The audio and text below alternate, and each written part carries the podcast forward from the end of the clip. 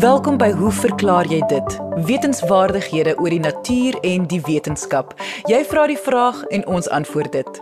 My naam is Lise Swart en ons paneelkenners vandag is medikus Dr. Heinz Müdler en microbioloog Dr. Marnel Mouton. Meeste van vandag se episode gaan deur een vraag en antwoord in beslag geneem word en ons het nie eens die vraagsteller se naam nie. Die vraag is kort en kragtig. Hoe het dit gebeur dat selle ontdek is. Mens soek mos net vir iets as jy daarvan weet of dat jy vermoed dat so iets bestaan. Dokter Mouton lig my toe in hoe die antwoord baie draaie en swaaye bevat en ook baie tyd in beslag geneem. Ons besluit toe om hierdie vraag oor 'n paar episode te beantwoord. Vandag is met ander woorde deel 1 van die antwoord op hoe 'n selle ontdek. Marnel Nou ek wil graag vir die luisteraar sê dat hierdie nogal 'n omvattende vraag is en ek gaan vandag net begin om dit te beantwoord. En net so ter inleiding en om dit net in perspektief te stel. As 'n mens nou 'n gemiddelde menslike liggaam vat en jy vat bloot uit 'n chemiese oogpunt waaruit hierdie liggaam bestaan, dan sal daar nou sekere chemiese elemente teenwoordig wees. As ons dit nou wil uitmeet, dan sal ons omtrent 50 kg water nodig hê, so 18 kg koolstof, 'n klein houertjie met stikstof, um, ons het fosfor nodig, omtrent soveel soos wat mense sou gebruik om so 2000 vierhoutjies te maak. Ons het yster nodig, omtrent dieselfde hoeveelheid as wat daar in 'n klein spyker sou wees. En dan omtrent 20 ander elemente maar in redelike klein hoeveelhede. Nou as ons hierdie klomp elemente nou sou uitmeet en mens sit nou 'n mens langs aan dan is dit mos nou uit die aard van die saak duidelik dat die een lewend is en die ander nie maar as ons uit chemiese oogpunt beskou dan is dit basies dieselfde ding. So die antwoord is dat al hierdie elemente in verbindings rangskik en dan verder hulle self rangskik in selle. En selle is die kleinste eenhede van lewe. En dit is moeilik om te dink uit soos wat ons nou vandag die biologie ken en weet dat daar 'n tyd was wat mense eenvoudig geen idee gehad het dat lewende dinge en organismes uit selle bestaan nie. Die eerste individuele selle is eers in die laat 17de eeu hier rondom 1674 vir die eerste keer gesien en beskryf. En die storie het min of meer soos volg verloop. So ek gaan nou hier begin met die die eerste wetenskaplike wat nou 'n rol in hierdie storie gespeel het mm -hmm. en sy naam is Robert Hooke. Nou hy was waarskynlik een van die grootste eksperimentele wetenskaplikes van die 17de eeu. Hy het soos baie ander soortgelyk aan hom gestudeer in sy geval by die Universiteit van Oxford en hy was ook later 'n navorsing assistent vir die bekende chemikus Robert Boyle en hy was baie bekend vir sy werk op gasse. Nou in 1662 is Robert Hooke toe aangestel as die kurator van eksperimente by die Royal Society in Londen. En hy was veral bekend vir sy mikroskoopvaardighede. Hy het gedetailleerde sketse gemaak en beskrywings van allerlei uh, monsters wat hy onder sy mikroskoop van daardie tyd bestudeer het. En dit het goed ingesluit soos insekte, dele van die anatomie van hierdie insekte, die struktuur van seesponse, diatome, broodmuf, vere van voëls en en vele ander goed. Hy het ook byvoorbeeld op 'n stadium kurk bestudeer en hy het 'n deursnit gemaak van die van die kurk en daarin het hy hierdie klein kompartementjies waargeneem. En hy het hierdie klein kompartemente beskryf as selle. So hy was die eerste persoon om die woord sel te gebruik alhoewel hy eintlik geen idee op daai stadium gehad het van die funksie of wat sel eintlik behels nie maar sy boek Micrographia was 'n baie besondere prestasie met hierdie gedetailleerde beskrywings en sketse. Dit is ongelooflik mooi. So Robert Hooke was nou hierdie spesialis by die Royal Society in Londen. Maar in 1674 daag daar toe 'n pakkie op by die Royal Society met 'n brief waarin die outeur beweer dat hy bewyse gevind het vir die bestaan van 'n geheime koninkryk. Iets wat niemand nog ooit van tevore gesien het nie wat niemand van weet nie en wat 'n mens slegs kan waarneem met 'n kragtige mikroskoop. Jy sal nou kon dink dat almal nou nie hierdie ou regtig ernstig opgeneem het nie want ek meen per slot van rekening het hulle nou regtig baie goeie werk gedoen met hulle ligmikroskope van daai tyd. Hmm. En ek dink die enigste rede hoekom hulle hom regtig ernstig opgeneem het is omdat dit sulke gedetailleerde beskrywings en sketse bevat het van hierdie sogenaamde klein diertjies wat hy waargeneem het. Hy het hierdie klein diertjies beskryf dat hulle kon swem soos palings en hy het gesê dat hulle so klein was dat 'n mens 'n miljoen van hulle op 'n korrel sand sou kon pas. En hierdie outeer en ontdekker was die Hollandse linnehandelaar Antoni van Leeuwenhoek. Hierdie man was nie eers 'n wetenskaplike nie. Hy was gebore in Oktober 1632 in Delft in in in in Holland en hy was ek dink 'n baie onwaarskynlike wetenskaplike opgrond as ons nou net na sy agtergrond sou kyk. Hy was 'n linnehandelaar soos die res van sy familie. Hulle was almal mhm. ambagsmanne soortgelyk. Hulle het eintlik geld gehad nie, geen fortuin nie, hy het geen hoër opleiding gehad nie, geen universiteitsopleiding nie. Ehm um, en hy kon slegs Nederlands praat. So nie regtig die materiaal vir vir 'n wetenskaplike uh, waarskynlik nie maar hy het sekere vaardighede gehad en hy was baie nuuskierig en baie open-minded soos wat die Engelse sê. En hy was waarskynlik vry van die wetenskaplike dogma van daai tyd wat ek dink ook gehelp het om hierdie ontdekkings te maak. En ten spyte van al hierdie het, het van Leeuwenhoek daarin geslaag om van die belangrikste ontdekkings in die geskiedenis van biologie te maak wat regtig in my opinie indrukwekkend en selfs benydenswaardige prestasies was. Nou in terme van die vaardigheid die linne handelaars van daai tyd het met lense gewerk en hy het hulle lense ge gebruik om die kwaliteit van hulle linne te bepaal. So hulle sou draadtellings daarmee doen. En hy het met tyd 'n bietjie obsessief geraak oor lense en hy het begin om sy eie lense te slyp. En hy het agtergekom dat hoe kleiner jy die lensie maak, hoe ronder kan jy hom maak en dan kan jy basies baie hoër vergrotings kry hoe ronder die lensie was. So uiteindelik het hy klein lensies gemaak wat byna sferies was, maar waarmee hy regtig ongelooflike goeie vergrotings kon kry. Hy het ook nie gespesialiseerde toerusting gehad nie. Hy het hierdie lensies gemaak uit uit glasskerwe uit. Maar die vergrotings wat hy daarmee kon kry was tussen 50 en 300 keer. En hy het klein mikroskope begin bou. Ehm um, hy het in sy hele lewenstyd omtrent 500 van hierdie mikroskope gebou.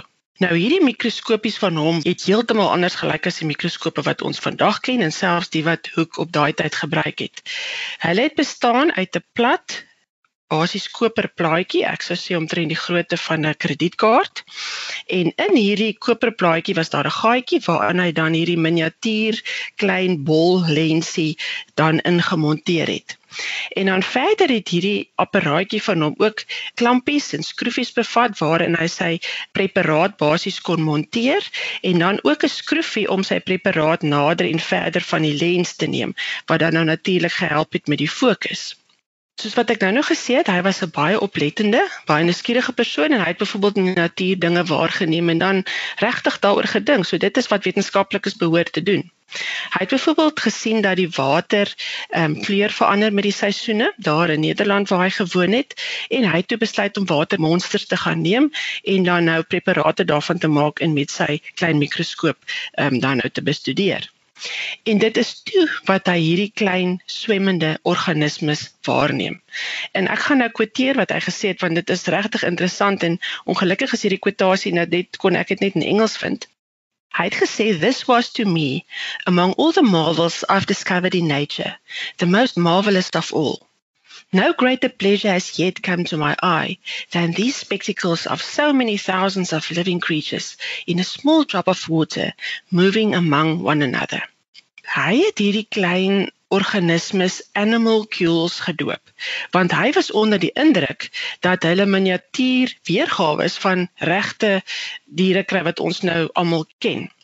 En jy kan nou dink dat hierdie man nou vir die Royal Society geskryf het oor sy klein animalcules en hy sekerlik nou ook vir sy vriende en so aan vertel van hierdie onsigbare diertjies wat jy nou net met hierdie mikroskoop sou kon sien. En sy brief van die aan die Royal Society was natuurlik om hulle bewus te maak van sy ontdekking, maar ook dink ek in 'n mate 'n hulpkreet sodat iemand sy ontdekking sou erken en niemand gedink het dat hy nou van loetjie getik is nie. En hy het dan ook gesê um, op grond daarvan I suffer many contradictions of time and of times. Here it said that I do tell of fairy tales about little animals.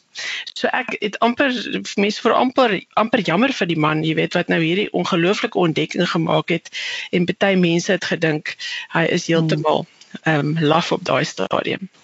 Nou ja, op daai stadium die Royal Society jare reeds mikroskope gebruik. Ehm um, om die waarheid te sê, van jare voor dat van Leeuwenhoek eers gebore was. Maar niemand het nog ooit hierdie organismes waargeneem wat van Leeuwenhoek beskryf het nie. So die Royal Society, ek dink op grond van hierdie ge, hierdie baie goeie beskrywings van hom het wel besluit om hierdie beweringe wat van Leeuwenhoek gemaak het te ondersoek en Robert Hooke was natuurlik die aangewese persoon daarvoor. So hy is toe aangesê om van Leeuwenhoek se beweringe te ondersoek hy het toe nou ook gaan monsters van water neem um, daar in Engeland waar hy nou was en preparate voorberei en vir 'n hele ruk kon hy regtig glad nie iets sien nie. Hy kon nie hierdie organismes kry wat van Leeuwenhoek beskryf het nie. En na rukkie het hy toe nou maar 'n afleiding gemaak dat 1 of sy mikroskoop was eenvoudig nie so sterk soos van Leeuwenhoek se nie. En dan in die tweede plek het hy gedink wel die ander rede kan seker wees dat hierdie organismes eenvoudig net nie in Engeland voorkom nie, maar dalk wel in in in Holland. So mense kan nou lag daaroor, maar aan die einde van die dag was dit natuurlik die mikroskoop wat die probleem was. So hy het besluit om verder hieraan te werk en om sy mikroskoop te probeer verbeter net om seker te maak dat dit nie dalk die mikroskoop is nie. Hy het probeer om meer lig in die mikroskoop te kry om meer kontras te kry en na nadat hy onverpoost vir weke gewerk het, hy toe uiteindelik hierdie diertjies waargeneem. Ons weet natuurlik nou dat dit vry lewende protiste is wat hy gesien het. En hierdie ontdekking het die lede van die Royal Society natuurlik ongelooflik beïndruk. Want skielik was daar hierdie besef dat daar heelwat meer aan lewe is as wat mens net met jou blote oog kon waarneem. Daar was inderdaad 'n hele wêreld van superklein organismes wat niemand eers ooit van gedroom het nie. Nou van Leeuwenhoek um, is toe in 1680 as lid van die Royal Society verklaar en hy was ook amptelik verklaar die ontdekker van hierdie klein diertjies of hierdie animalcules. En net nog 'n aanhaling van hom. In all falling rain carried from gutters into the water baths, animalcules are to be found. And that in all kinds of water, standing in the open air, animalcules can turn up. For these animalcules can be carried over by the wind, along with the bits of dust floating in the air. Ek dink hy het hier reeds iets besef wat ons eintlik vir 'n lang tyd daarna eers die belang van sou besef, maar ek sal later by daai deel van die storie uitkom. Ek herinner luisteraars dat vandag net deel 1 van Marnel se antwoord is. Ons gaan oor 'n paar episodes in die toekoms na hierdie vraag kyk. Marnel, wat het met Antonie van Leeuwenhoek gebeur na hierdie groot ontdekking? Jy kan nou dink hoe geïnspireer hy hierna was om om verdere navorsing te doen en hy het toe natuurlik gedraai na ander bronne van van monsters. Hy het byvoorbeeld na die menslike liggaam begin kyk. Hy het gekyk na plaak wat hy van sy tande kon kry en van die tande van klomp ander mense. Gelukkig was dit nie COVID-19 daai tyd nie. Hy het in 1677 lewende spermselle beskryf, hy het rooi bloedselle beskryf, mikroskopiese alwurms, rotevers en nog vele meer. En alhoewel hy nie goed kon teken self nie, het hy toe 'n illustreerder aangestel om tekeninge voor te berei van die dinge wat hy gesien het om hierdie skriftelike waarnemings wat hy in baie detail genoem het te vergesel. Die meeste van sy beskrywings van mikroorganismes is onmiddellik herkenbaar, so die meeste wat hierdie tipe organismes ken sal onmiddellik besef wat hy beskryf. Hy het byvoorbeeld 'n beskrywing gegee van Vorticella en mense wat dit ken sal dit daar kan kan herken. In structure these little animals were fashioned like a bell and at the round opening they made such a stir that the particles in the water thereabout were set in motion thereby. And though I must have seen quite 20 of these animals on their long tails alongside one another, very gently moving, with outstretched bodies and straightened out tails, yet in an instant, as it were, they pulled their bodies and their tails together, and no sooner had they contracted their bodies and tails than they began to stick their tails out again very leisurely, and stayed there some time continuing their gentle motion, which sight I found mightily diverting. Alhoewel van Leeuwenhoek se studies nie die organisasie van formele wetenskaplike navorsing gehad het nie, het hierdie vaardighede wat hy gehad het um, om hierdie lense te kon maak, asook sy noukeurige waarnemings hom in staat gestel om ontdekkings van fundamentele belang te maak in die biologie. Hy het uiteindelik 'n baie bekende persoon geraak in Holland en hy was deur vele, vele adellikes en koninklikes besoek vir die voorreg om nou deur hierdie sien toestelletjie van hom te kon kyk in hierdie geheime wêreld wat niemand nog ooit van gedroom het nie. En vandag nog word Antoni van Leeuwenhoek erken as die vader van mikrobiologie. So hierdie is hoe die eerste selle ontdek was en vir die eerste keer gesien was. Ons praat nou van enkele selle. Maar die verstaan van hierdie strukture het nog baie baie jare geneem om vorm aan te neem. En ek sal graag volgende keer verder daaroor wil gesels. Jy luister na Hoe verklaar jy dit op RSG 100 tot 104 FM. En dit was microbioloog Dr Marnel Mouton. Soos genoem was hierdie net deel 1 van haar antwoord op die vraag hoe is selle ontdek? Ons sal definitief die vraag nog verder vat in die toekoms. Vandag se laaste vraag word deur Ingrid gevra. Daar's geen van gegee nie en deur medikus Dr Heinz Middler beantwoord. As gevolg van die tydstremming gaan daar ook geen kitsvraag vandag wees nie. En ek moes ook Ingrid se vraag wat alomvattend al haar persoonlike besonderhede bevat, moes ek verkort om net 'n idee te gee van wat sy vra. So ek gaan dit soos 'n storie vir julle vertel. Ingrid vertel, sy is nou 53 jaar oud en in 2006, toe sy 38 was, was sy op 'n plaas in Tsanin gewees waar hulle geweet het die kraanwater is onsuiwer.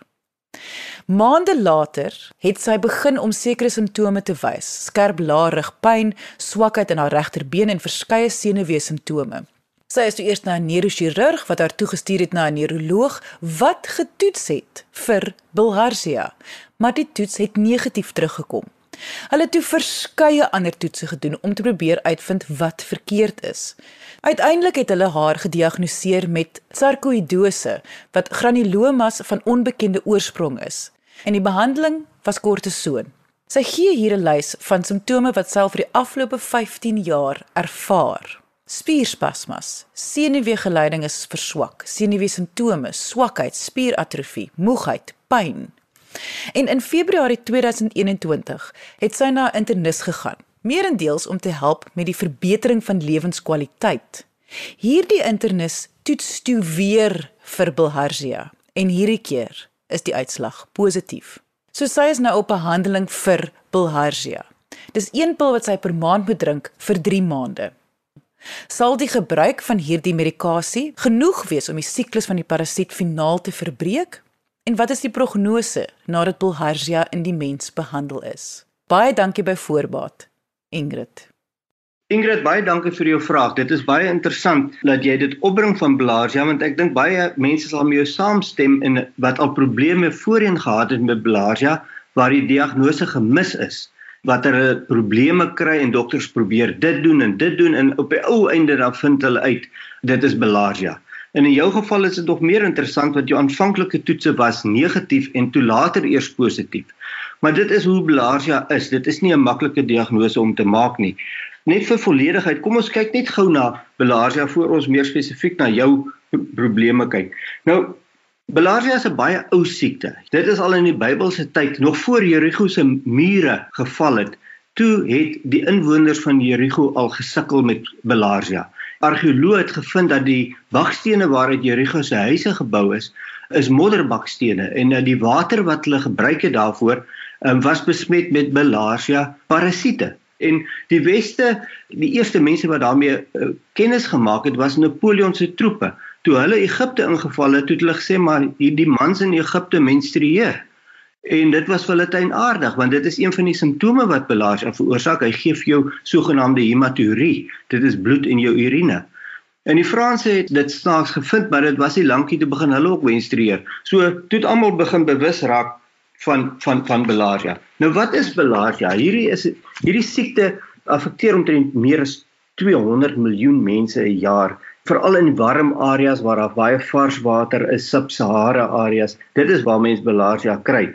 Nou dit word veroorsaak deur 'n parasiet, 'n platwurm of 'n trematode wurm wat genoem word die cystosoma, staan ook bekend as die bloedbot. Nou daar's verskillende soorte van hierdie bloedbotte afhangende van watter ene jy het, is dit die simptome wat jy gaan kry of die siektebeeld wat jy gaan kry. Die algemeenste is, is jou cystosoma hematobium, jou Mansoni en jou Japonicum. Ek noem net daai name want dit hang af, jy weet watter een jy het, uh, wat se simptome jy gaan kry. Nou hierdie wurm as jy hom eers in jou lyf het, kan dit baie lank aanwesig wees. Dit kan maklik 3 tot 5 jaar in in jou liggaam wees, maar daar's ook al gevind dat van hierdie wurms vir dekades lank jou kan wees. So dit kan inpas by Ingrid se beeld dat as die diagnose nie gemaak word nie, kan sy baie lank sukkel met simptome wat net erger en erger word. Die mens kry dit van 'n besmette slak wat wat 'n varswater slak. So as jy in die water swem en die slak het belaarsja onderlede, dan penetreer dit jou vel. Dit kan direk deur die vel gaan en dan kry jy hierdie kenmerkende swemmers iets, jy weet 'n swemmers juk van die veld. En daarna het jy nie eintlik baie probleme nie. Dit vat 'n ruk vir hierdie parasiet om dan nou op te gaan na jou lewer waar dit stadig begin vermeerder, dan begin hierdie eindstadium afhangende van watter tipe jy het, watter stelsel in jou liggaam gaan aangetast word. Nou jou cystosoma hematobium het 'n voorliefde vir jou blaas en jou voortplantingsorgane en dit is dan nou juis hy wat dan vir jou ehm um, blaasprobleme gaan gee en bloeding in die blaas en selfs blaaskarssinoom en so aan waar die ander ene weer jou gastro-intestinale stelsel aantas. Die wurms vat omtrent so 6 weke om volwassenheid te bereik. En dan lê die vroulike wurm eiers in hierdie areas wat hulle van voorkeer. En nou meeste van die eiers word weer uitgeskei as dit hematobium is wat in die urine is, dan word hierdie eiers uitgeskei in die water en dan besmet dit weer nuwe slakke en so word die siklus gaan dit net aan. Die diagnose van bilharzia kan gemaak word net met 'n mikroskoop, want hierdie klein eiertjies kan jy nie sien nie, maar onder 'n mikroskoop het elke tipe cystosoma 'n kenmerkende eier en hy het 'n uitsteekseltjie en as die uitsteekseltjie op die punt is van die eier, dan weet jy dis daai tipe en as dit op die kant is van die eier, dan weet jy dis daai tipe. As jy dit onder die mikroskoop sien, dan kan jy sê dadelik daar is malaria. Nou dalk het hulle daai toets so gedoen by jou en nie eiers gesien nie, want dit was hom maar net ongelukkig dat daar te min was. Nie al die eiers word uitgeskei nie. Party van hulle bly in die liggaam agter en dit is waar die probleme kom. Daai eiers veroorsaak 'n reaksie daar waar hulle gelê word en die reaksie is soortgelyk aan die sarkoidose wat Ingrid van gepraat het dat sy longprobleme gekry het. Wat ons praat van 'n granuloomverandering. Dit veroorsaak 'n tipe van 'n inflammasie om die eier en dit raak stadig en stadig erger en erger en erger tot jy dan begin as dit in die blaas is bloed in die urine kry of diarree kry of wat ook al. Maar dit tas ook die senuweestelsel aan. Hierdie eiers kan hierdie tipe veranderinge in jou senuweestelsel veroorsaak waar jy begin kry spierswakheid en lamheid en al die simptome waarvan Ingrid geplaas het. So dit maak heeltemal sin dat Belarsia haar daai siekte proses kan gegee het. Natuurlik moet 'n ou uh, seker maak dit is Belarsia. Nou die behandeling is maklik. Dit is basies net een baie effektiewe pil, praziquantel of biltricide wat gegee word, een dosis en dan vat jy weer later en dit is reg want jou volwasse wurm vat omtrent 6 weke om volwassenheid te bereik en dan lê hy weer eiers. Die behandeling maak net die volwasse wurm dood, nie klein wurmpies nie en ook nie die eiers nie. So jy moet 'n opvolgbehandeling kry sodat wanneer die klein wurmpies wat jy gemis het groot raak, ook doodgaan. As jy senuwee simptome het, gaan jy nie dadelik verligting kry nie en daar is ook moontlik dat jy geen verligting gaan kry nie. Alhoewel die parasiete dood is, is die granuloomveranderinge redelik permanent. Maar Meestal is daar tog verbetering, maar dit is 'n tydsame proses. So ek dink sy moet maar net geduldig wees en weet sy het die diagnose is gemaak en dit is behandel. Daar's nie veel meer om te doen nie as om nou net te wag om te kyk dat sy verbeter. Dit was Medikus, Dr. Heinz Middler. Indien jy 'n vraag het, kan jy 'n e-pos stuur na lise@rsg.co.za. Ek sê baie dankie aan ons kenners en ons vraagstellers vandag. Lekker dag verder. Tot volgende week net hier op RSG. Totsiens.